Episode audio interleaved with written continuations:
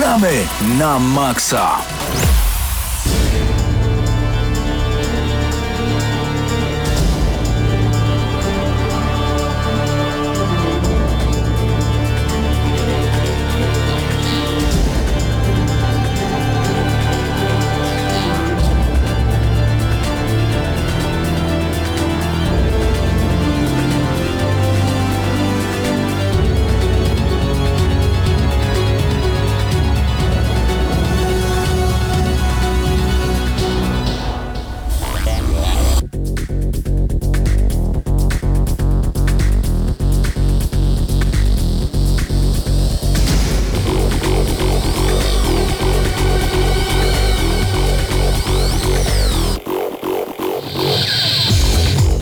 No i minęła godzina 21 w Radiu Free, tak więc e, czas na Gramy na Maxa i w Gramy na Maxa dzisiaj e, przed mikrofonami są Patryk Ciesielka, Mateusz Donowicz. E, w tle jest również Paweł Stachyra, przed mikrofonem Mateusz Widut. Panowie, ostatni tydzień był dosyć taki ogórkowy, bym powiedział. No nie, nie, nie na, dla wszystkich. Jak, jak na wiosnę, fajnie, nie?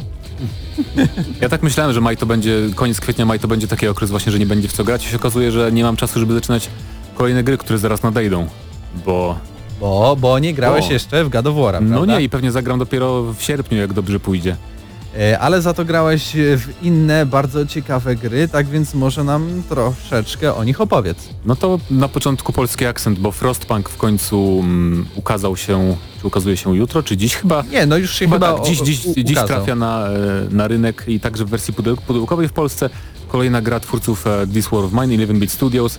E, survival połączony ze strategią o budowaniu miasta, czyli trochę SimCity, trochę właśnie This, War of Mine, trochę jeszcze takiej niezależnej gry Banished, e, w której też budowaliśmy swoją wioskę w lesie i też był aspekt survivalowy. Ogólnie e, główny myk jest taki, że jest post, postapokalipsa, cały świat zamarzł i nasza, że tak powiem, drużyna śmiałków wyrusza z Londynu, z, ostatniego miasta na północ, żeby znaleźć ostatni generator i wokół niego zbudować takie miasto ludzi, który się utrzyma najdłużej. I na tym polega cała pierwsza kampania, że po prostu musimy przetrwać e, w, tym, w tych niesprzyjających warunkach. Zbieranie zasobów, stawianie coraz nowych budynków, rozbudowywanie tych, których już mamy, przydzielanie pracowników do kolejnych e, miejsc pracy właśnie i dbanie o zasoby, żeby wszystko się zgadzało i kręciło jak w zegarku, wysyłanie skautów, żeby szukali nam nowych osadników, nowych mieszkańców. Jest tego bardzo, bardzo dużo, trzeba wszystkiego pilnować. Jest tak stresująco, ale w taki przyjemny dosyć sposób. I fani zarządzania i lekkiego wyzwania powinni się zainteresować. Tym bardziej, że ta gra też wygląda bardzo ładnie. A jeszcze mam takie jedno pytanie, bo wiem, że w tej wersji przedpremierowej nie było języka polskiego, a teraz już jest? E, będzie w pełnej wersji. Ja grałem przed premierą, nie grałem dziś Aha. jeszcze, ale podejrzewam, że no, ta gra ma mieć polską wersję, więc podejrzewam, że już skoczyła do tej finalnej wersji takiej e, sklepowej. Bo były trzy, testowa, recenzencka i teraz będzie pełna wersja pudełkowa, tak pudełkowa, no, pełna wersja cyfrowa tak naprawdę. E, jeszcze się ciebie Mateuszu zapytam, ile godzin trzeba na ukończenie tak jakby tej gry, bo ta, ta gra to nie jest to znaczy, jakby taka kampania fabularna, chociaż z jednej strony ma pewne scenariusze. Po części jest, mamy takie trzy scenariusze właśnie powiedzmy, że kampanie. I ta podstawowa jest taka, że nie przejdziemy jej raczej za pierwszym razem, więc to już trochę godzinka czy dwie nam zejdzie, zanim się nauczymy podstaw, ale kiedy już wszystko umiemy, że tak powiem, ogarniać i wiemy co i jak, to podejrzewam, że 4-5 godzin, też w zależności od tego, czy sobie przyspieszamy bardzo upływ czasu, czy nie, czy często pauzujemy, żeby pomyśleć długo nad układem budynków i tak dalej. Więc, ale myślę, że tak 5 godzin to jest taka średnia. I potem mamy dwa dodatkowe scenariusze, które też na kilka godzin, więc łącznie myślę kilkanaście godzin te wszystkie, żeby ogarnąć i poradzić sobie z mrozem, więc całkiem nieźle. Oprócz Frostpunka zagrywałeś się w japońską grę, która o dziwo nie jest na Nintendo Switch, a to jest gra? Yakuza Zero, czyli gra ze stycznia ubiegłego roku, więc dosyć stara, ale w końcu się załapałem. E, tym bardziej, że już jest bardzo tania, można kupić za 8 dych e, nową, e, nową grę, więc to była moja pierwsza Yakuza w ogóle. Jestem bardzo pozytywny, znaczy nie jestem zaskoczony, bo słyszałem, że ta gra jest, ta seria jest w ogóle bardzo, bardzo interesująca i nie zawiodłem się, bo faktycznie model walki jest bardzo ciekawy, jest stanowi większe wyzwanie niż model walki w Batmana Arkham, a są pe pewne podobieństwa, tylko tu jest o tyle trudniej, że nie mamy takiego ratującego życie kontrataku, że możemy każdy po prostu atak skontrować i powalić przeciwnika. Mamy różne style e, walki, jeden polega bardziej na takim chwytaniu przeciwników, inny na używaniu przedmiotów, które są dookoła nas. Na przykład możemy chwycić rower, który stoi na ulicy i tam powalić pięciu gości naraz. E, mamy też styl walki z szybkimi ciosami, więc dla każdego coś dobrego, że tak powiem. Jest bardzo, bardzo wciągający główny wątek. E, bohater, w ogóle mamy dwóch bohaterów. E, gram już 6 godzin i jeszcze mi się nie pojawił ten drugi, więc e, ciekawe kiedy nastąpi, ale w każdym razie jest tutaj takie honorowe odejście z Jakuzy, żeby rozwiązywać własne tam porachunki na własną rękę. I to jest takie bardzo poważne właśnie, bardzo podobają mi się cutscenki, które potrafią trwać 20 minut, ale jestem fanem MGS-a, więc to mi się podoba automatycznie. Um, ale poza tym jest bardzo fajny kontrast, bo w misjach pobocznych mamy taką totalną japońszczyznę zwariowaną, na przykład rozbijanie siatki nastolatek, które sprzedają swoją bieliznę używaną. E, albo, Typowo japońskie. Tak, albo, albo y, zadanie, że jakiemuś chłopaczkowi ukradziono nową grę i musimy szukać złodzieja, któremu, któremu ukradł właśnie jakąś tam nową produkcję, na którą bardzo czekał, albo nie wiem, pomaganie pankowemu zespołowi w budowaniu wizerunku i to jest całe zdanie, że tylko po prostu radzimy im, co mają robić, w ogóle bez walki i tak dalej, więc bardzo mi się podobał ten taki kontrast poważnej historii głównego wątku i tych takich zadań pobocznych, które są totalnie zakręcone. Eee, no i tak, jak same pozytywne wrażenie, też konstrukcja świata mi bardzo odpowiada, bo to jest otwarta lokacja, mamy dzielnicę Tokio, ale ona jest na tyle mała, że nie czuję w ogóle absolutnie takiego czegoś, jak czuję ostatnio w open worldach, że to jest za duże wszystko, że nie chce mi się gdzieś tam iść na drugi koniec mapy. To wszystko jest takie fajnie, skąd, fajnie skondensowane.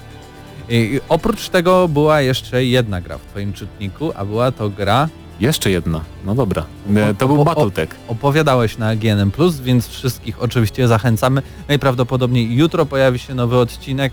E, tam oprócz właśnie tych gier, o których e, rozmawiał Mateusz, e, rozmawiamy też o Gadowłorze, o którym też porozmawiamy razem z Pawłem za chwilę w takim segmencie nasze pierwsze wrażenia. No ale wracając do Twojej gry. Battletech, jeżeli jesteście fanami strategii turowych i mechów, to na pewno Wam się spodoba. To jest właśnie strategia turowa w uniwersum, w którym są też gry z cyklu MechWarrior, może niektórzy pamiętają. E, więc e, mamy tutaj, jakby jesteśmy członkiem, szefem tak naprawdę grupy najemników i wyruszamy na kolejne misje i jest bardzo ciekawy aspekt dbania o całą ekonomię, no bo jak, jako, że jest, mamy tak naprawdę firmę najemniczą, to musimy dbać o swój budżet i koniec każdego miesiąca to jest okres rozliczeniowy i budżet zawsze nam się musi zgadzać, więc musimy wykonywać kolejne misje, żeby zarabiać i żeby móc po prostu się utrzymać i nie, nie zbankrutować, więc nie ma tak, że sobie możemy za bardzo wybrzydzać w niektórych przypadkach nawet misji pobocznych, zadania polegają zazwyczaj na tym, że musimy e, zająć jakiś teren, e, pokonać grupę przeciwników, eskortować kogoś i tak dalej. Są też zadania fabularne, które już są tak bardziej... No są tam dialogi, tam ekspozycja cała fabularna i tak dalej, i tak dalej. Graficznie to wygląda bardzo fajnie, chociaż oczywiście cały czas obserwujemy wszystko z bardzo daleka, bo tak jest wygodniej. To są bardzo efektowne zbliżenia, jeżeli sobie je ustawimy w opcjach. Te mechy wyglądają naprawdę bardzo, bardzo imponująco. Pojazdy wielkości budynków tam rozwalają się nawzajem. E, mamy też bardzo fajny system uzbrojenia. Jeżeli graliście w MechWarriory, to nie jest dla, dla was nic nowego, ale po prostu każdy nasz, nasz mech może mieć, nie wiem, 8 rodzajów broni, możemy sobie wybierać, e, którą bronią akurat zaatakujemy, którą część ciała przeciwnika na przykład, więc to jest takie wszystko bardzo taktyczne, też ustawienie jest bardzo ważne, więc mówię, dla fanów taktyki, e, nawet, nawet dla tych, którym może nie podszedł XCOM, to jest trochę inny rodzaj taktycznej strategii, więc polecam się zainteresować. Patryku, czy ty w coś ostatnio grałeś? Grałem sporo gier, ale ograniczę się do dwóch i zacznę takim trochę negatywnym aspektem, mianowicie e, opowiadałem już o grze Killing Floor 2, że jest ona bardzo super, bardzo przyjemnie się, się tam strzela, tylko że teraz wychodzą wszystkie błędy, wszystkie brudy, które były ukryte i których nie zauważyłem na początku. Mianowicie jest tam... zdobywamy wszystkie itemy, które zdobywamy, one mają y, tylko charakter kosmetyczny, no ale te itemy możemy zdobyć tylko w jeden sposób tak naprawdę. Jeżeli zapełnimy pasek w naszym banku, tam zbieramy pieniądze, odpowiednią ilość, y, to dostajemy skrzynkę. I z tej skrzynki mo mogą nam tam wy wypaść jakieś, jakieś rzeczy. I generalnie jest to y, jeden sposób na dropienie itemów. Drugi jest Y, taki, że musimy zapłacić prawdziwe pieniądze, kupić kluczyk i otworzyć skrzynkę, która nam wypadła podczas gry. Typowy system lootboxowy. Dokładnie, tylko trzeba pamiętać o tym, że tą grę trzeba kupić najpierw, żeby potem kupić klucze i, i sobie otworzyć skrzynki. I yy, najgor najgorsze jest to, że jest bóg, który powoduje, bóg glitch, który powoduje, że yy, po wypełnieniu tego paska pieniędzy nie dostajemy ani jednej skrzynki. I po prostu no, Jedyna, jedyny postęp, jaki możemy robić w tej grze, no oprócz levelowania postaci, które robimy po to, żeby wydropić kolejne itemy, żeby nasza postać ładniej wyglądała, no to ten system z tymi skrzynkami nie działa i twórcy najbardziej mnie śmieszą y, patche, bo jest patch jest napisane, że prawdopodobnie naprawiliśmy ten błąd. Są szczerzy, nie? To jest, I to jest, to jest świetne i tak, już chyba trzy pacze były i żaden nie poprawił tego. No i boli mnie to, bo już straciłem sześć tych skrzynek, a niełatwo się napełnia ten pasek, yy, pasek yy, pieniędzy. Znam rozwiązanie. Trzeba grać w inne gry. Yy, właśnie tak i, i tutaj zaczyna się ten miły aspekt. Zacząłem grać w Dragon's Dogma, bo nigdy nie miałem przyjemności poobcować z tą grą. No i powiem szczerze, że walka ze stworzeniami jest świetna i bardzo, bardzo mi się podoba. Na pewno jeszcze trochę w nią pogram, tylko że boję się, że sama gra będzie wyglądała w taki sposób, mm, że będę przemierzał od jednego bossa do drugiego bossa i te wszystkie zadania poboczne będę tak robił po łebkach, nawet nie będę czytał dialogów, bo są po prostu nudne i sam ten świat nie, nie wciąga jakoś bardzo. I a, a to chyba po, po, samych ocenach zresztą to było widać, że e, gra ogólnie była zapowiadana jakoś mega wcześnie, później się o niej nic nie słyszało, w końcu wyszła, świat jakby w ogóle zapomniał, że ona miała wyjść, ona istniała. Już nie tak pamiętam, naprawdę... to było dawno temu jednak, bo chyba z 6 lat już ma ta gra. Nie. Bo ty no, chyba myślisz o czymś innym, bo Dragon's Dogma wyszło dawno temu na PS3, Xboxie 360. Tak, tak. I teraz remastery były na, ten, na PlayStation 4 aha. jeszcze, także... To chyba o innej grze myślałem, ale dosyć podobnej w założeniach, ale nie mogę sobie teraz przypomnieć. Mhm. Nie było jakiejś gry podobnej, o podobnej nazwie? Mateusz? Mieli robić podobną grę, ale w końcu aha. nie ukazała się. No dobrze, ale wracając Patryku. No i sama walka z tymi potworami wygląda tak, że musimy często, y, załóżmy, osłabić tego stwora, czyli na przykład, nie wiem, jest pierwszy boss tutorialowy taki, nie wiem jak się nazywa to stworzenie, ale jest taki lew na plecach z głową kozy i na ogonie zamiast, zamiast ogona ma węża. Czy to jakaś satanistyczna gra? Jeszcze nie wiem. Jestem na Ale początku. się dowiem, tak. Y, no i walka z tym stworzeniem polegała tak, że musieliśmy wskoczyć, złapać się najpierw za ogon, żeby odrąbać ten ogon, żeby wąż nie pluł w nas jadem. Potem trzeba było zabić tą kozę, która bodajże leczyła trochę te, tego lwa. No i na końcu trzeba było już, y, już dokończyć, dokończyć dzieła. I to było takie całkiem, całkiem fajne i odświeżające, że można wskoczyć, złapać się, tak jak w Shadow of the Colossus. Ale z drugiej strony trochę jak taki upośledzony y, brat bliźniak Gadowora, a na pewno starych Gadoworów, gdzie też odrąbywaliśmy po kolei konkretne y, części ciała bogów i, i tak przechodziliśmy grę. A jak już wspomniałem o Gadoworze, to razem z y, Pawłem Stachyrą teraz opowiemy o naszych pierwszych wrażeniach. Tak naprawdę Paweł to już praktycznie kończy tą grę. Ja jestem po jakichś czterech, pięciu, maksymalnie sześciu godzinach i, i wydaje mi się, że dopiero to, co najlepsze przede mną. No ale zanim przejdziemy do tych naszych pierwszych wrażeń, no to oczywiście czas na muzykę i postaram się coś ciekawego wybrać. Y, tak więc posłuchajcie.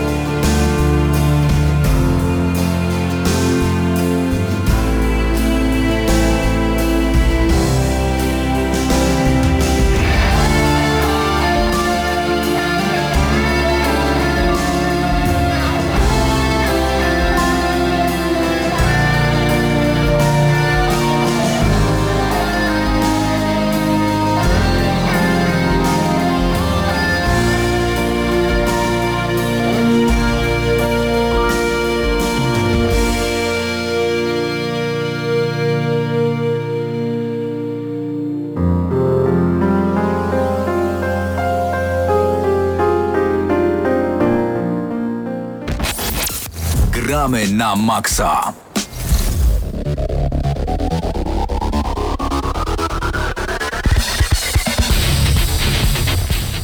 No i dzień dobry Pawle. Dzień dobry Mateuszu, witam słuchaczy. Przechodzimy teraz do segmentu pierwszych wrażeń, y, takiego trochę przedłużenia, w co ostatnio graliśmy, a graliśmy sporo w God of War 4 2018 God of War, możemy to nazywać jak chcemy, po prostu taki trochę reboot, odnowienie e, całej serii. Kratos e, w klimatach nordyckiej mitologii, e, nie mamy tutaj już e, ani greckiej, ani żadnej innej. Bóg idzie do innej mitologii. No trochę, greckie, co, co z tego trochę wyjdzie? greckiej ze sobą zabraliśmy, No tak. bo to, jest, to nie jest taki całkowity reboot, to jest soft reboot, a więc y, teoretycznie to się dalej dzieje w tym, w tym samym jakby, mm, w tej samej linii czasowej. E, Nasz stary, zmęczony życiem Kratos zmierza do, zmierza do mm, świata mitologii nordyckiej by, y, razem ze swoim synem e, ze względu na swoją żonę, ale w zasadzie może inaczej, fabułę zostawmy na, na Na e, recenzję, albo w ogóle Teraz o porozmawiajmy minę. może o naszych wrażeniach gameplayowych. Jeżeli chodzi o, jeżeli chodzi o God ja byłem do niego bardzo sceptycznie nastawiony w ostatnich tygodniach, A tuż dlaczego? no bo zwiastuny nie wyglądały najlepiej. Szczerze mówiąc, e, przypominały mi bardzo mocno The Last of Us, może troszeczkę mm, też, e, jak się nazywała ta gra z tą rudą... Horizon Zero Dawn? Tak, no generalnie e, ekskluzywy e, Sony, co nie jest dla mnie jakimś wielkim plusem, bo nie jestem specjalnym fanem e, ekskluzywów Sony z reguły. To w takim Natomiast- razie nie powinna podobać Ci się ta gra, bo to jest właśnie połączenie e, Horizon Zero Dawn z The Last of Us z otoczką War'ową. Bardzo, bardzo powierzchownie, bo tak naprawdę to dalej jest bardzo fajny, chociaż dużo wolniejszy slasher mm, z ciekawym systemem e, rozwoju, który troszeczkę jakby zastępuje nam takie tradycyjne levelowanie, bo tam tak naprawdę w tej grze, tak jak już e, rozmawialiśmy wcześniej na plusie, jesteśmy przywiązani do, czy to do tego naszego topora, więc e, nie ma specjalnie tutaj różnorodności broni, natomiast e, możemy, możemy się za pomocą, za pomocą ulepszania sprzętu jakby rozwijać, kupować sobie runy, które lepiej nam działają w różnego rodzaju światach. Plus mamy też uzbro uzbrojenie jako pancerze. Tak, Możemy generalnie zmieniać jakieś z tam... tego, z tego wynika taka, z tego, z tego wynika różnica jakby pomiędzy stylami gry, tak? Nie ma, nie ma jakby mm, różnorodności wielkiej broni i tak dalej, zamiast tego po prostu ulepszamy swoją postać. I rzeczywiście no, sam system walki, sama walka jest naprawdę przyjemna, płynna, mm, trudna. Y, Tego się też obawiałem, że w związku z tym, że tak bardzo przypomina mi to te wszystkie ekskluzywy Sony, które z reguły są raczej dosyć proste albo niespecjalnie zaawansowane, jeżeli chodzi o mechanikę e, rozgrywki. No tutaj naprawdę, naprawdę e, miłe zaskoczenie, jeżeli chodzi o system walki z jednym małym, z jedną małą taką zgniłą wisienką na tym torcie. którą są y, mini-bossowie i bossowie. Tak, e, szczególnie, a, w- a właściwie e, konkretniej tutaj brak czegoś, co, ta se, co e, było jakby takim znakiem rozpoznawczym tej serii, a więc quick time eventów. E, bardzo, bardzo dużo mamy tutaj sytuacji, w których zadajemy jakiś niesamowity wybuchowy cios, e, gdzie powiedzmy latamy w powietrze, przebijamy naszego przeciwnika przez skały i tak dalej. I to wszystko jest, To wygląda rewelacyjnie, Wygląda ale nie rewelacyjnie. mamy na to wpływu za dużo. ale nie Takiego, jak naciskami trójkątu, Tak. kwadratu czy tam krzyżyka. To mała I to rzecz, jest- ale to jednak jest ta interakcja z grą, której tutaj w takich sytuacjach troszeczkę brakuje. A I to, to jest też dziwne, no bo kto by powiedział, że e, jakiemukolwiek graczowi będzie brakowało quick time eventów po tym jak mieliśmy e, kilka grej, e, gier z Quantic Dream Davida Cage'a, gdzie same gry były jednym wielkim quick time eventem. No ale właśnie God of War był taką grą, która e, słynęła z tego i raczej to wszystko pasowało, bo pokonywaliśmy tych olbrzymich bogów, te olbrzymie bestie i gdy właśnie były te elementy takich epickich walk, e, rzuca, rzucania mieczami, toporami, e, wchodzenia na, grzbiet, odcinania uszu, nosu, e, e, nie wiem tam, ust, czegokolwiek, no wszystko tam robiliśmy w tych gadoworach, no to naciskaliśmy te przyciski i jakby czuliśmy, że nadal to jest gra, nadal na- mamy na to jaki, jakiś wpływ, a tutaj tego brakuje. E, Czy dobrze, czy nie, no na pewno jakby mm, nie czuję takiej więzi z poprzednimi prze, przez y, taki zabieg, ale oczywiście no to, to ma swoje plusy takie, że to, to, to jakby na sam gameplay nigdy nie miało jakiegoś większego wpływu. To troszeczkę e, mam wrażenie, że ten nowy God of War jest dla serii mm, tak samo, znaczy do swojej serii tak samo podobny jak Fallout 4 był podobny do Fallouta 2. Chociaż oczywiście tutaj nie chodzi mi o samą jakość wykonania, tak? Natomiast no rzeczywiście to jest y, zupełnie, zupełnie odmieniona ta gra i też y, widać to też na poziomie, mm, jakby to powiedzieć, skali. To znaczy, tak jak mówisz tutaj, y, kiedyś walczyliśmy z gigantycznymi absolutnie bossami w jakichś niesamowitych, dziwnych scenariuszach, skakaliśmy sobie po ścianach, robiliśmy co tylko tam przyszło nam do głowy. Ta gra jest dużo bardziej przyziemna, jest taka... Jakby to powiedzieć, bardziej realistyczna to jest bardzo złe słowo, no nie, no, w tym wypadku, nadal bo jesteśmy się dalej z bogami po głowie, po głowach, tak? E, natomiast e, no tutaj dużo częściej spotykamy raczej przeciwników e, w naszej, nazwijmy to, skali. Te starcia są też powolniejsze. Można bardziej, powiedzieć, że ta gra tak. bardziej jest nastawiona na samą taktyczność jakby walki, bo na, to, to jest już normalne w grach, ale no, każdy przeciwnik ma jakby swoje słabe i mocne strony i zaglądanie... To jest trzymane w takim fajnym bestiariuszu, który Właśnie. wygląda troszeczkę jak w, Wiedźmin, w Wiedźminie, tak? Tam mieliśmy taki bestiariusz, gdzie mieliśmy wymienione e, słabe strony potworów i tutaj również e, nasz syn prowadzi tak jakby swój własny... Taki dzienniczek. I, i tak. trzeba też zaznaczyć, że zazwyczaj w grach jest tak, że mamy ten bestiariusz, ale on nam nic y, tak naprawdę nie daje, chyba że jesteśmy super fanami, no to sobie po prostu poczytamy o tych wszystkich stworzeniach, e, które spotykamy w świecie gry. A tutaj rzeczywiście zdarzyło się tak, że od praktycznie po, samego początku za każdym razem zaglądam w te notatki i czytam o tym, jakie słabe i mocne strony ma przeciwnik, bo często jest tak, że nie możemy jakiegoś przeciwnika pokonać zwykłym toporem, tylko musimy walczyć z nim na gołe pięści. Są tacy przeciwnicy, którzy bardzo szybko się poruszają e, i wtedy na przykład musimy poprosić naszego syna, e, by on, on posługuje się głównie łukiem, by wystrzelił z łuku e, jakieś tam strzały, wtedy to zatrzyma, tego przeciwnika będzie otumaniony i wtedy my będziemy mogli zadać mu ciosy. No jakby kombinacji jest bardzo wiele i, i warto zwracać na to uwagę. I co Jedna tym... rzecz nie do pomyślenia mhm. też e, tak naprawdę. Nie spodziewałem się, że będzie gra, w, e, będzie gra z serii God of War, w której będę musiał się nauczyć e, bronić, parować, być w defensywie, ale w tej grze tarcza to jest naprawdę król. Tak, i to jeszcze używanie tarczy w odpowiednim timingu, czyli w odpowiednim czasie, bo oczywiście tak jak w innych grach, na najnowszym Assassin's Creed Origins, e, jest tak, że im wcześniej, im w odpowiedni moment, tym jakby większe combo, kombinacje możemy zyskać i wtedy łatwiej będzie po, e, pokonać tego wroga, ale co oczywiście wiąże się ze samym systemem walki, to poziom trudności tej gry bo też wyglądało to tak po tych zwiastunach, dziennikach deweloperskich, że ta gra będzie nastawiona właśnie na taką filmowość i, i z tej samej e, rozgrywki to nie, niewiele będzie wynikało, ona będzie taką częścią składową, taką przy okazji, że to, e, to, ta, ta, gra się przejdzie, będzie długa, będzie przyjemna i na tym się zakończy, a tu, a tu nie, bo wybrałem e, drugi od końca, e, czyli od najniższego poziomu e, poziom trudności, czyli początkujący to jest taki tam o, przeżyj historię, nie martw się o wyzwanie, drugi jest... Dziennikarski tak zwany. Dziennikarski właśnie. Drugi jest przeżyj historię, ale, ale miej jakąś trudność w przechodzeniu tej gry.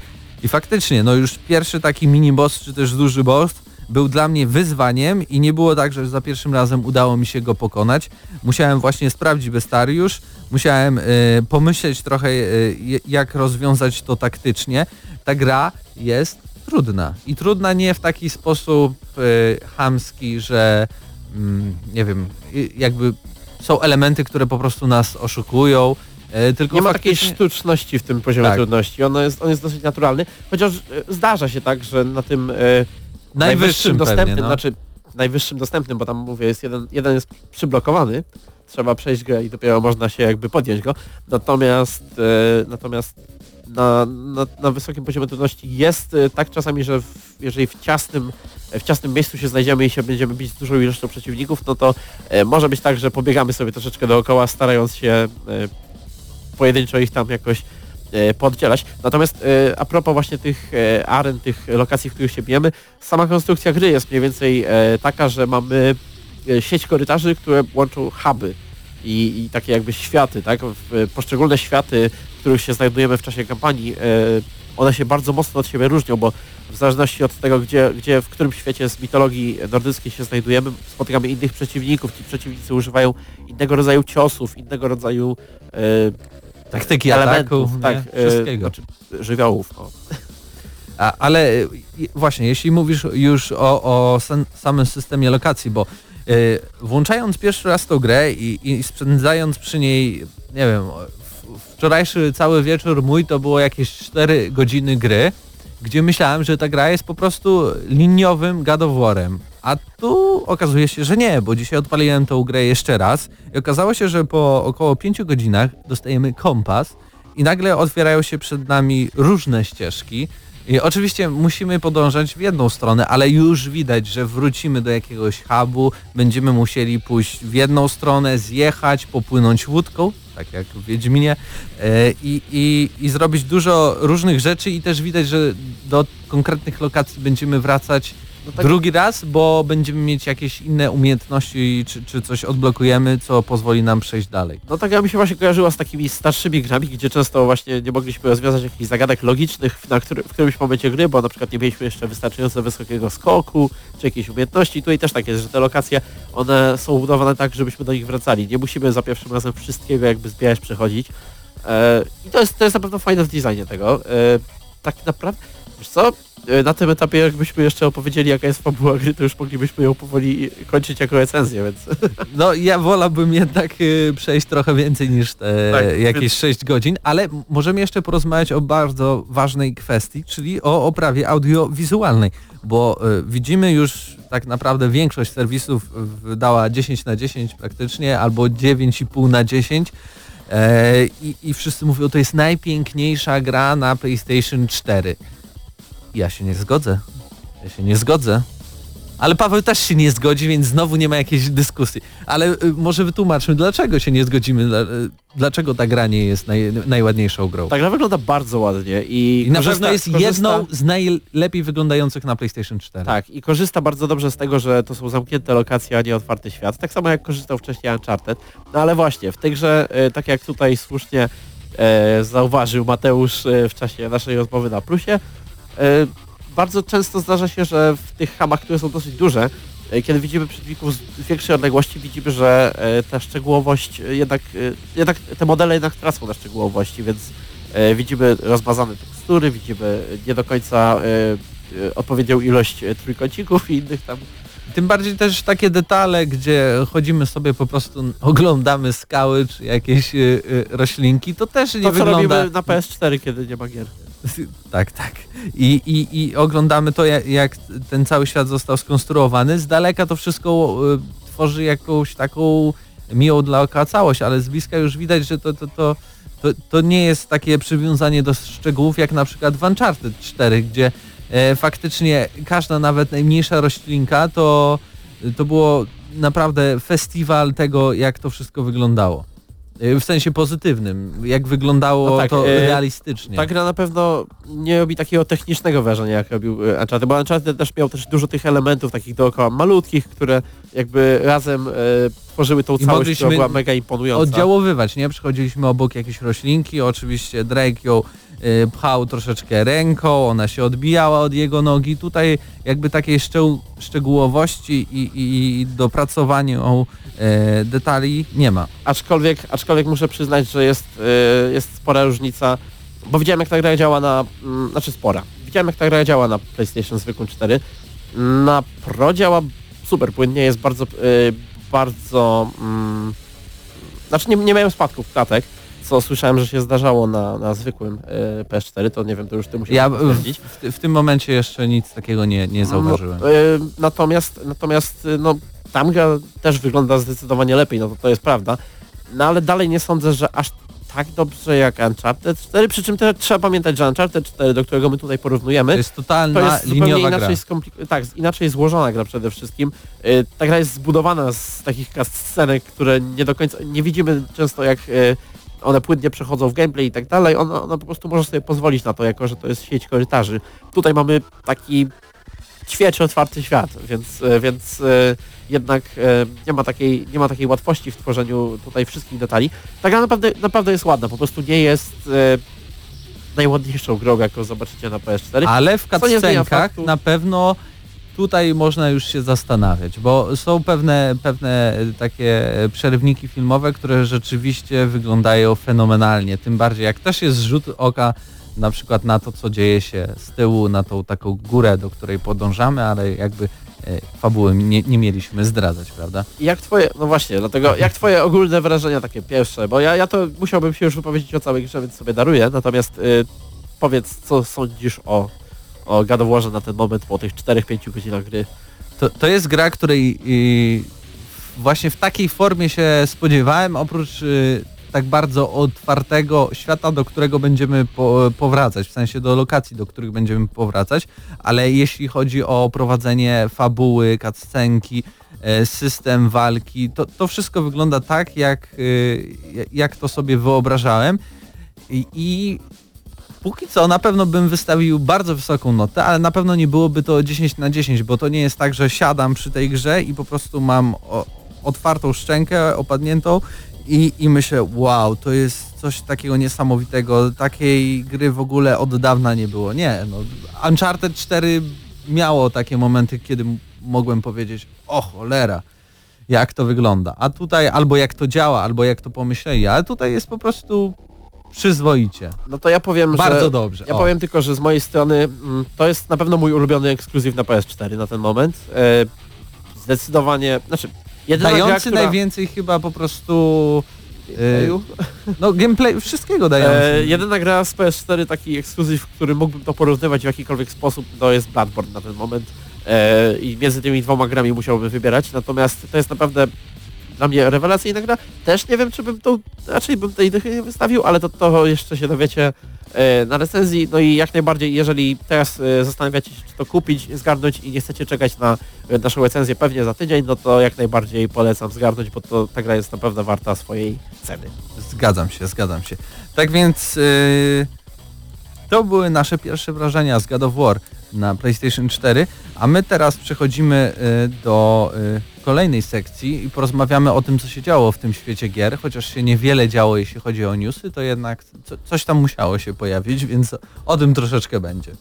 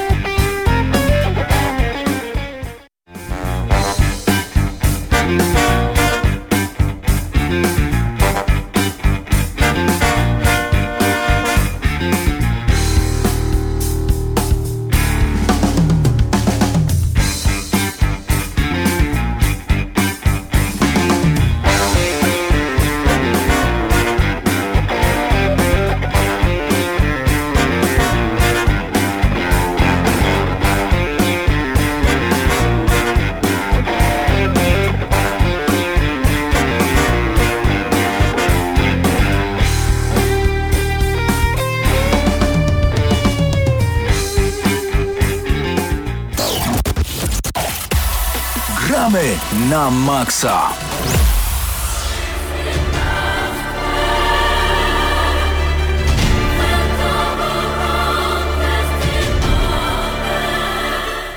No i wracamy z naszym segmentem y, newsowym. Gramy na maksa. I Mateuszu Zdanowiczu, Tak, czy ja. coś przygotowałeś ciekawego? E, Ja mam takie coś trochę niszowego, wydaje mi się chociaż po części może i nie, bo pewnie pamiętacie niektórzy z Was, że mm, twórcy Drive, Drive Club Evolution Studios, e, kiedy zostało zamknięte, zostali przyjęci przez Codemasters. I oni teraz robią grę, która wychodzi na początku czerwca i wydaje mi się, że strasznie mało osób o niej w ogóle wie.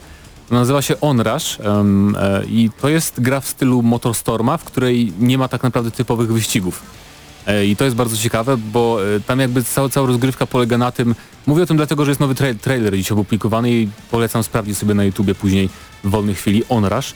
E, I rozgrywka polega na tym, że po prostu musimy jechać jak najlepiej, musimy po części też ważne jest pokonywanie przeciwników, tak jak w Motorstormie, spychanie ich z tras i tak dalej, i tak dalej. Po prostu musimy nabijać punkty dla swojej drużyny. W tym wyścigu kilkudziesięciu graczy wygląda to mega efektownie, mamy tam różne terenowe samochody, właśnie znowu porównania z Motorstormem są po prostu nie... No nie, można ich, nie można ich porzucić, tak. I ta gra mi się mega, mega podoba po tym, co widziałem we wszystkich gameplayach, tylko właśnie się trochę się obawiam, że ona zostanie... No bo wysłyszeliście w ogóle o niej i premiera jest w czerwcu, nie na początku czerwca i wydaje mi się, że jakoś marketing jest strasznie znaczy, taki... Ja pamiętam jeden zwiastun, tak, z E3, y, który właśnie wygląda, pomyślałem, o, nowy Motorstorm, a, a nie, to, to nie to, ale nawet nie zapamiętałem nazwy tej gry. No właśnie, więc, więc to jest coś bardzo ciekawego dla mnie. Tym Powtórz, bardziej... Powtórzmy jeszcze raz tą nazwę naszym widzom. Onrush.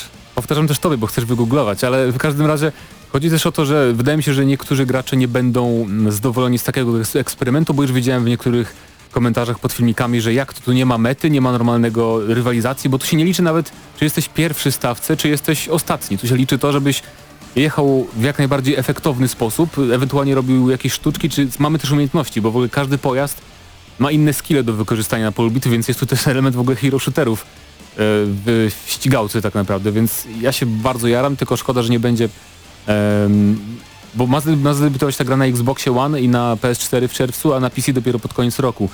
Ale może w czerwcu już będę miał Xbox One X, bo na, na tych lepszych konsolach gra ma działać w 60 klatkach, co jest bardzo, bardzo istotne. Ale, ale w 1080p. No tak, tak, tak, ale 60 klatek jednak w grze tego typu, z tego co widziałem właśnie z zwiastunach, to no, wygląda fenomenalnie i nie mogę się doczekać. Więc polecam.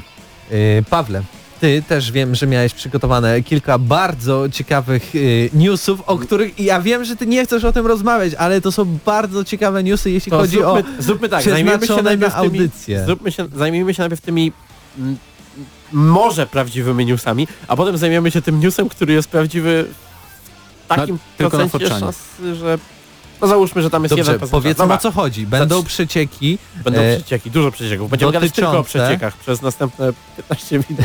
dotyczące E3 w Los Angeles, co pokaże Microsoft, co pokaże Nintendo, ale zanim do tego przejdziemy, proszę, no już możesz mówić o tych newsach, które są Ten, pewne. No, prawie. Pewne, też niepewne. No ale e, dowiedzieliśmy się w tym tygodniu od, zdaje się, e, gry online, że Cyberpunk 2077 ma podobno być FPS-em. I teraz y, pojawiła się cała lawina clickbaitowych artykułów. Właśnie widzę jeden, nawet nie będę mówił e, po prostu z przyzwoitości nazwy portalu Cyberpunk 2077 to podobno klasyczna gra FPS i tam jest wszędzie napisane, że to jest FPS z elementami RPG.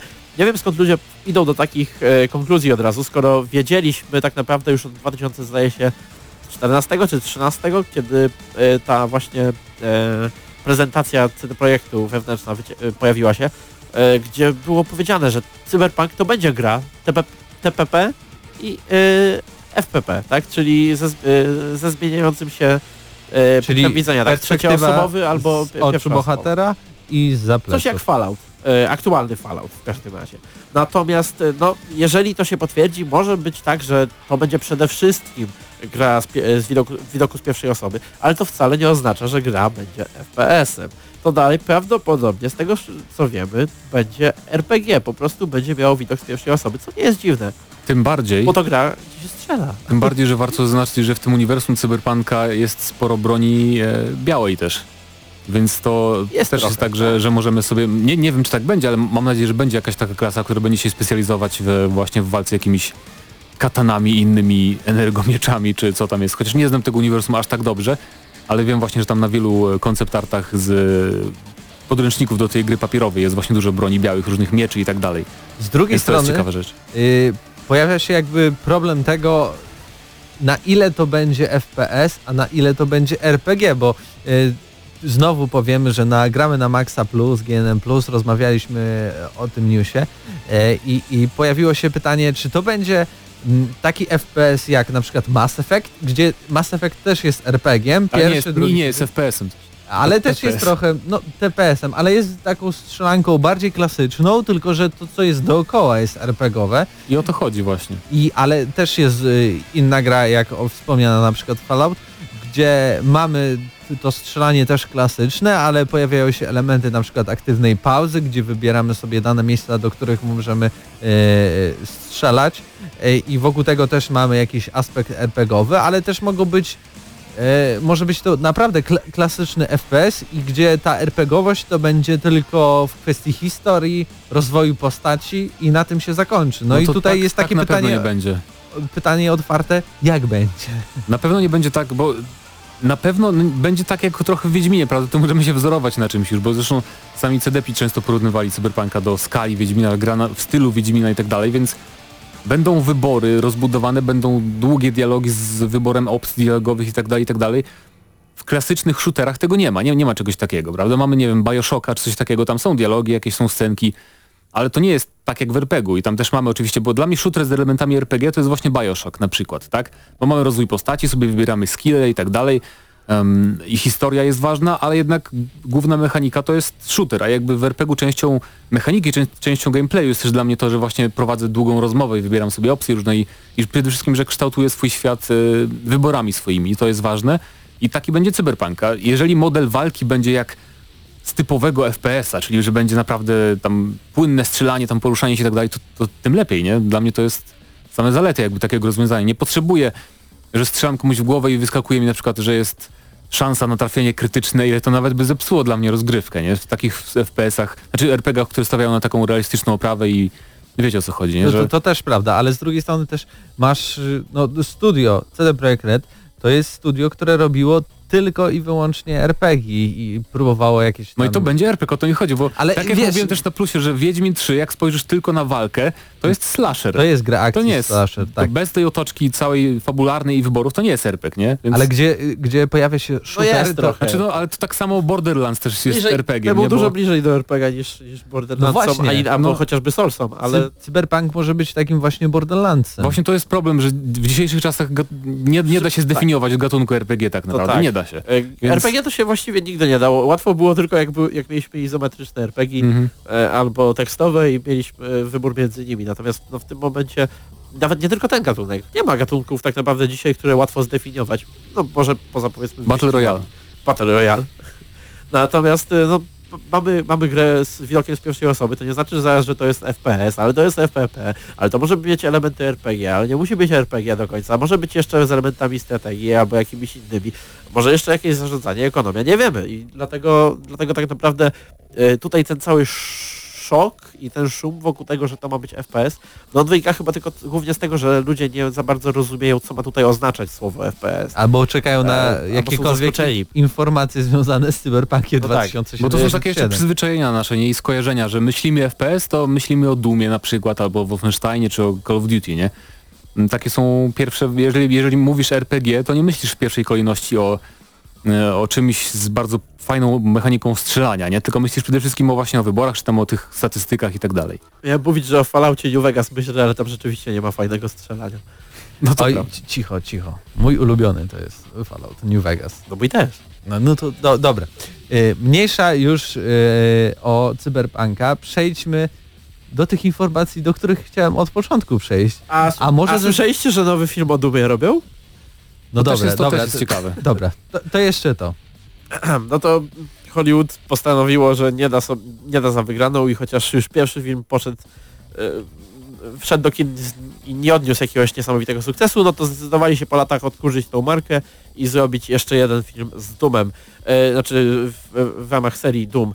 Yy, nie jest to takie znowu dziwne, ponieważ Doom znowu stał się fajny, modny, czy jakby to inaczej określić, no ponieważ i pewnie zapowiedzą też gra. sequel, przypomnijmy, że są takie plotki, więc... No tak i, i no i teraz wiemy o tym, że może być taki film. Teraz, panowie, czy oglądaliście ten pierwszy Doom? Tak, oglądaliśmy. Ja nie. I tam jedyna fajna scena w tym filmie dla mnie to była tak z widokiem FPP. Tak, Czyli parę ta, minut... która podzieliła najbardziej ludzi, bo część ludzi mówiła, że film był śmieciowy, ale okej, okay, tylko po co dawali tą scenę, która wygląda ale, jak z gry? Ale właśnie poza tą sceną, poza tą sceną tam był, to był taki normalny film klasy B, taki nie, że mógłby nie istnieć. Dzięki tej scenie przynajmniej coś było fajnego. Tak, ona Więc... sprawiała, że się wyróżniał. E, natomiast mam wrażenie, że ten nowy Doom, e, nawet jak nic o nim nie wiemy, no wiemy, wiemy, że zrobią, wiemy, że zrobią go e, nasi przyjaciele z Hollywood, którzy tak świetnie zajmują się filmami opartymi na grach. Więc, e, a teraz jeszcze przestraszeni porażką Duma tego pierwszego, prawdopodobnie nie zdecydują się na taką zabawę formą, jak się zdecydowali tutaj przy tym pierwszym Dumie, gdzie, no jak, jak mówisz, to był bardzo przeciętny film, nawet bardzo słaby, ale przynajmniej miał tą... Widać, że się bawili. Za coś pamiętamy, Tak. nie? Ten, ten film. Jest tą scenę wszyscy, którzy oglądali ten film pamiętają. Natomiast obawiam się, że to po prostu. Nawet, nawet nie wiem jak ugryźć taki film tak naprawdę, żeby on był ciekawy i żeby jakkolwiek przypominał materiał filmowy. Ale co, co byś oczekiwał? Jaki musiałby Coś być stylu- ten film, Cały żeby ci się cały podobał? Film taki jak ta scena, która y, była z... No tak, Czyli ale film chodzi, gra. Ale chodzi też o rozwałkę, o brutalność, o krew, flaki. Ja myślę sobie teraz... I, ocen, pewnie i ocenę dlatego- jak do kin wejdzie, tak? Od ilu lat można oglądać. Tak, ale ja, może dlatego, że niedawno oglądałem ten serial, ale e, Ashcord kontra Martwe Zło to jest serial, gdzie bohater walczy z demonami, z potworami, ze wszystkim innym takim, więc Doom w takiej konwencji właśnie, gdzie się krew leje, gdzie też nie jest poważnie zupełnie, bo aż nie jest zupełnie poważnym serialem e, i właśnie bawią się tam tym, e, tą brutalnością i tym wszystkim, tak naprawdę się śmieją z tego, więc w takiej konwencji widzę ten film Duma, żeby to było coś w tym stylu. Tylko z drugiej strony, czy, czy studio duże hollywoodzkie e, pozwoli sobie na zrobienie filmu pewnie na nie. podstawie gry, który jest właśnie rated R, czyli od, od 18 lat takie nasze. E, bo ile to w serialu, w konwencji serialowej ma sens, e, seriale troszeczkę inaczej się sprzedają i do innej widowni są kierowane o tyle, o tyle, no jeżeli wchodzi film na podstawie gry do kina, to on musi koniecznie być dla każdego widza. Chyba, że to będzie film e, od razu na jakąś platformę VOD. Tego nie wiemy, czy to ma być kinowa produkcja. Chociaż Universal Pictures raczej jednak sugeruje, że, że to będzie faktycznie film kinowy. I co ciekawe, w ogóle ta informacja pochodzi od aktorki, em, która e, od Niny Bergman, która właśnie zdradziła na Twitterze niechcący podobno, że właśnie gra w Dumie. Nie wiadomo, czy to będzie głów, bo to też byłby ciekawy twist taki na czasie, poprawność polityczna. Em, że właśnie byłaby bohaterka. Co w sumie by pasowało. Ostatnio na Steama wyszła taka gra Iron Maiden, gdzie też mamy bardzo fajną postać kobiecą w roli głównej. Więc tak, e, ja czekam z lekkim zainteresowaniem, powiedziałbym. W sumie jak na każdą e, produkcję filmową, która jest związana tak naprawdę z grami. A przypomnijmy tylko, A zaznaczmy, że ta pani grała między innymi w Sharknado 3, więc jest tu jakiś wyznacznik jakości tego, jaki może być styl. Nie Filmu. wiem co to za film, ale chyba... No, że masz tornado, w którym są Aha. rekiny i wypadają na ludzi w mieście, więc z tego No to tornado. będzie to zwariowana produkcja dla całej rodziny. To jest Na- na to Miejmy duma. nadzieję. E, tak więc przejdźmy do informacji, Tak, o które truje rację. ci głowę. To nie zdążymy. Dobrze, przejdźmy do tych informacji. Otóż Call of Duty, następne Call of Duty prawdopodobnie nie Stop, będzie stop. miało. Nie rozmawialiśmy o Nintendo. Proszę cię, opowiedz o Nintendo. Naprawdę chcesz o Nintendo? Ja nawet nie wiem, co się działo, więc musisz opowiedzieć, co się dzieje, bo podobno wyciekły informacje związane właśnie z konferencją Nintendo na E3. O rany. Właśnie widzę o co Widzimy chodzi. ten niesamowicie legitny leak. No dobrze, to powie, załóżmy, że bo te wycieknięte informacje są w formie kartki wydrukowanej A4, której ktoś zrobił jest, zdjęcie. nie, nie, nie, wydrukowana jest niżej. To, to jest zdjęcie ekranu. No ale mniejsza to. W w każdym razie to, to jest bardzo mało prawdopodobne, to prawdopodobnie ktoś zmyślił, ale i tak możemy się na tym oprzeć i powiedzieć, co jest prawdopodobne, na co czekamy, na co nie czekamy. Jest na przykład na tej liście GTA 5 na Switcha, w co ja absolutnie nie wierzę, e, bo ta gra wygląda już niezbyt fajnie na, na PS3 i Xboxie 360, więc co dopiero na Switchu. To jest kącik humorystyczny, chcielibyśmy zaznaczyć w tym momencie. To możemy Uzna- tak uznajmy, nazwać, tak. Dobra, przejrzyjmy te piękne liki. Możemy tak robić co tydzień, będziemy przeglądać najgorsze liki przed E3. W końcu Coś przed tu E3 zawsze jest mnóstwo takich e, ciekawostek. No to co tu jeszcze mamy? Mamy no, no takie proste rzeczy, co na pewno się pojawią, czyli przewidzenia, nowe czyli- labo, Tak, e, ujawnienie tej, ujawnienie tej usługi płatnego online to na pewno też będzie. Metroid 4 też na pewno będzie. Ale już na przykład ktoś stwierdził, że będzie e, trzecie, trzecie, będą trzecie Pokémony w, w ramach tej generacji. Teaser. E, znaczy, będzie teaser tej gry, a więc e,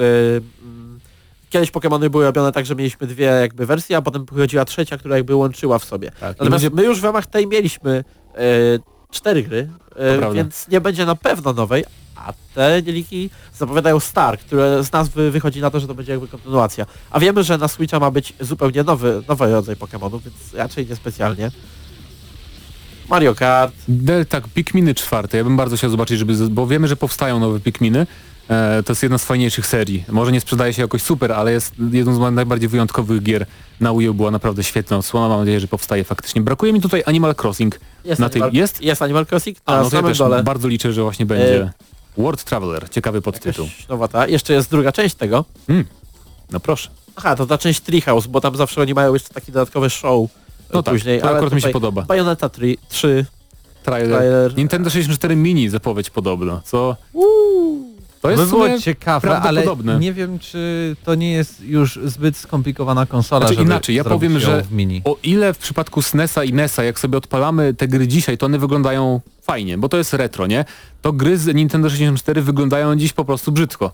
No nie oszukujmy się, to są gry, które trudniej sprzedawać ładnymi trailerami, czy tam nostalgii...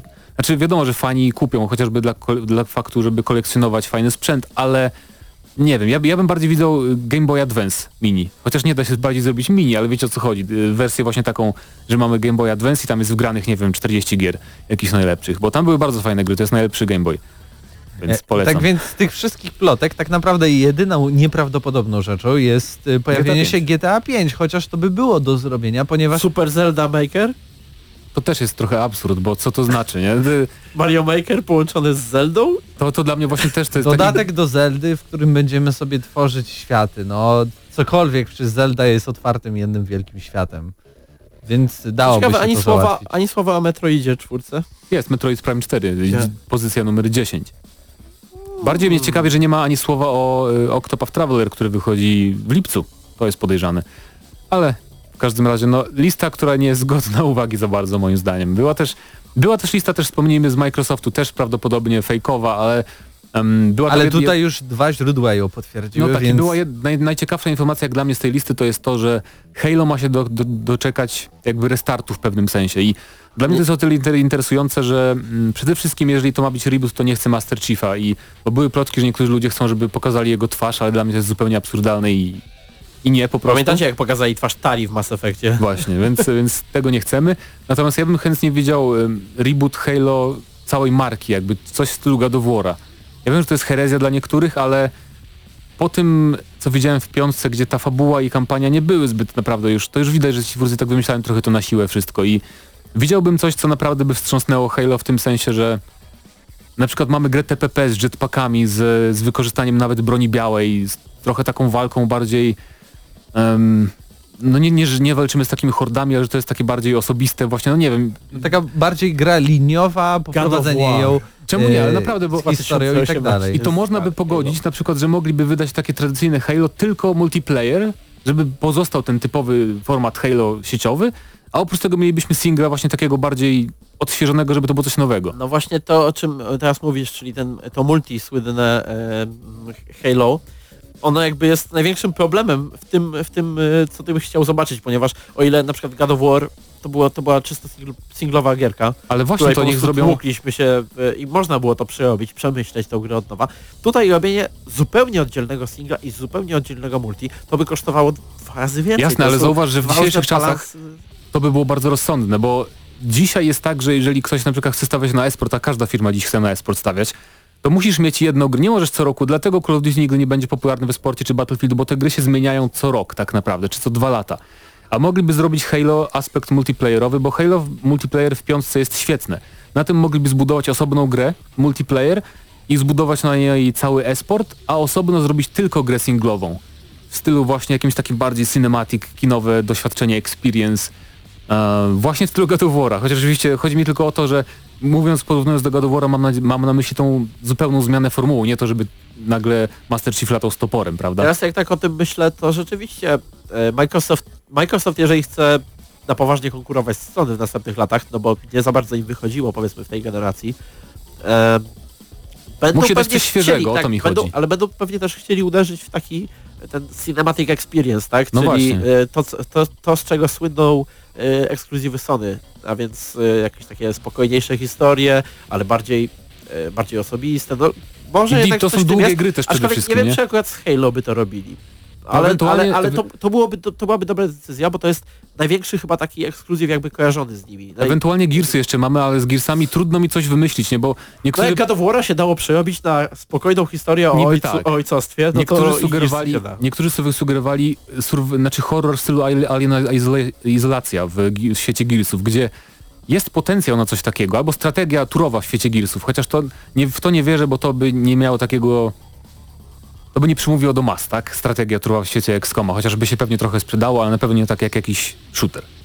E, Bo- Taki tam na czacie zauważył, że twarz e, Master Chiefa dało się zobaczyć e, pod różnymi kątami w, w hełmie już O, po dało się, częściach. tak, tak, tak. Ale to tak samo troszeczkę jak z twarzą Tali. Tam był jakiś model, żeby było, że coś jest, ale, ale to niekoniecznie była ta twarz, którą pewnie byśmy zobaczyli, gdyby odkryli ją. Na sam koniec jeszcze w tych przeciekach pojawiła się bardzo ciekawa informacja, oprócz tego, że oczywiście nowa Forza, No nie to- wiem, to są tam, pewniaki e, takie. wszy- Wszystkie te rzeczy jak e, Crackdown 3 i tak dalej, i Chociaż tak w ogóle dalej. słyszeliście, że podobno Forza Horizon ma nie być w Japonii w końcu, tylko w UK. Co w ogóle jest... Nie? Yy, Dziwne. takie słyszałem najświeższe, najświeższe plotki, co w Szkocji w sumie. Ale zobaczymy. Tą najdziwniejszą informacją było, że Joanna e, Dark, tak? Tak. E, w FPS-em, tak? Fi- First E, person shooter? TPP, shooter z Joanną Dark, co jest... Kojarzy mi się z jakimś takim, no The Order, coś te klimaty, takie steampunkowe podejście do średniowiecza w sumie. Albo takiej Czemu gry... Lo, jak, jak nazywała się ta gra z 2006 roku? Albo Fallen? London. Coś takiego. Coś, coś z Londynem, tak? Hell, Hell, Hellgate London. A tak, tak, O, tak. Mhm. To był taki ambitny w zasadzie projekt, który próbował łączyć FPS-a z RPG-iem, to tak nomen, ale, ale tam to bardzo mocno nie wyszło, bo jedna część grała świetnie, druga część grała bardzo kulawo, czyli FPS to był bardzo kulawy No tak. i nie odniosło to sukcesu, ale to też była taka, pamiętam, że tam tak, taki e, multiplayer, w którym można było dołączyć w każdej chwili i tak dalej. Ale No, zobaczymy, co to będzie. projekt był. Brzmi Natomiast- ciekawie w każdym razie. Tak więc kończymy nasz segment plotkowy, plotkowy e, e, ala komediowy bym tak to ujął. E, tak więc e, no już minęła prawie cała godzina e, audycji Gramy na Maxa w Radio Free. E, tak więc e, będziemy się powoli żegnać. Razem e, z Wami był e, Patryk Ciesielka, Mateusz Zdanowicz, Paweł Stachyra. E, Przed mikrofonem również był tutaj e, Mateusz Wid- Widut. E, Żegnamy się i może za tydzień będzie już ta recenzja wyczekiwana God of War. Miejmy nadzieję. Tak więc y, do usłyszenia.